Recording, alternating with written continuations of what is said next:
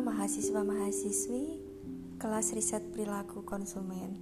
Oke, baik ya. Pada sesi kali ini kita akan belajar tentang teknik pendekatan untuk mempengaruhi keputusan konsumen. Yang pertama ada teknik pendekatan stimulus respon. Jadi teknik ini merupakan teknik penyampaian ide-ide atau pengetahuan tentang suatu produk dan merek kepada konsumen agar konsumen tertarik atau termotivasi untuk mengambil keputusan membeli produk yang kita sampaikan. Nah, dengan kata lain, pemilik toko atau pramuniaga itu memberikan stimulus berupa eh, produk-produk ya yang ada di dalam toko. Kemudian diharapkan konsumen dapat merespon secara positif. Nih, sebagai contoh, seorang ibu menanyakan pakaian untuk bayi, maka pramuniaga memberikan informasi tentang merek, kualitas dan warna berbagai macam pakaian bayi.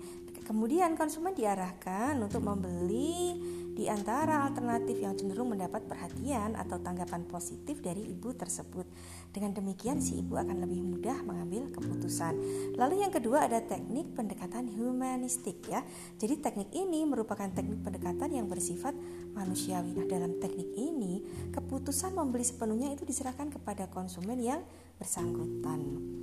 Jadi nih pemilik toko atau pran, e, pramuniaga gitu ya hanya lebih bersifat menyediakan berbagai jenis produk, merek, warna, kualitas dan memberikan informasi tentang manfaat, kebaikan dan kelemahan yang terdapat pada masing-masing produk yang tersedia.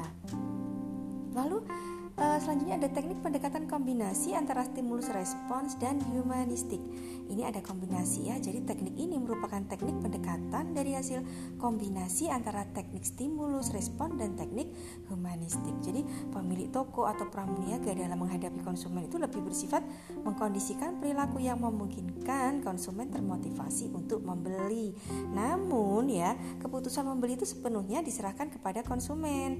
Misalnya, barang-barang disusun dengan berbagai bentuk yang menarik konsumen.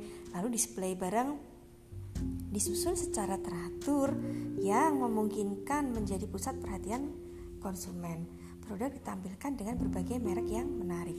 Lalu selanjutnya ada teknik pendekatan dengan komunikasi yang persuasif. Jadi teknik ini merupakan teknik pendekatan dengan menggunakan komunikasi persuasif melalui rumus AIDAS ya. Apa sih E-nya? Attention atau perhatian, ada interest atau minat, desire hasrat, decision keputusan, action tindakan, dan S-nya satisfaction yaitu kepuasan. Jadi pertama kali perlu dibangkitkan perhatian konsumen terhadap suatu produk agar timbul minatnya. Kemudian kembangkan hasratnya untuk membeli produk tersebut. Nah, setelah itu arahkan konsumen untuk mengambil keputusan membeli produk yang sesuai dengan kebutuhannya dengan harapan konsumen merasa puas setelah membeli. Jadi nih, sebelum menggunakan rumus uh, AIDAS tadi ya, pemilik toko dan pramuniaga dapat pula menggunakan langkah-langkah sebagai berikut. Yang pertama, berilah perhatian kepada konsumen dengan pendekatan komunikasi yang efektif dan menarik. Lalu yang kedua, pelajari terlebih dahulu kebutuhan, keinginan, perasaan, sifat dan ciri khas kepribadian konsumen.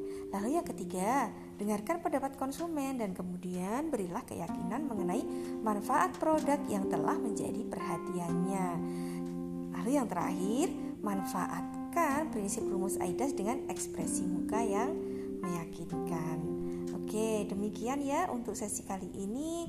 Sampai ketemu di sesi berikutnya. Terima kasih.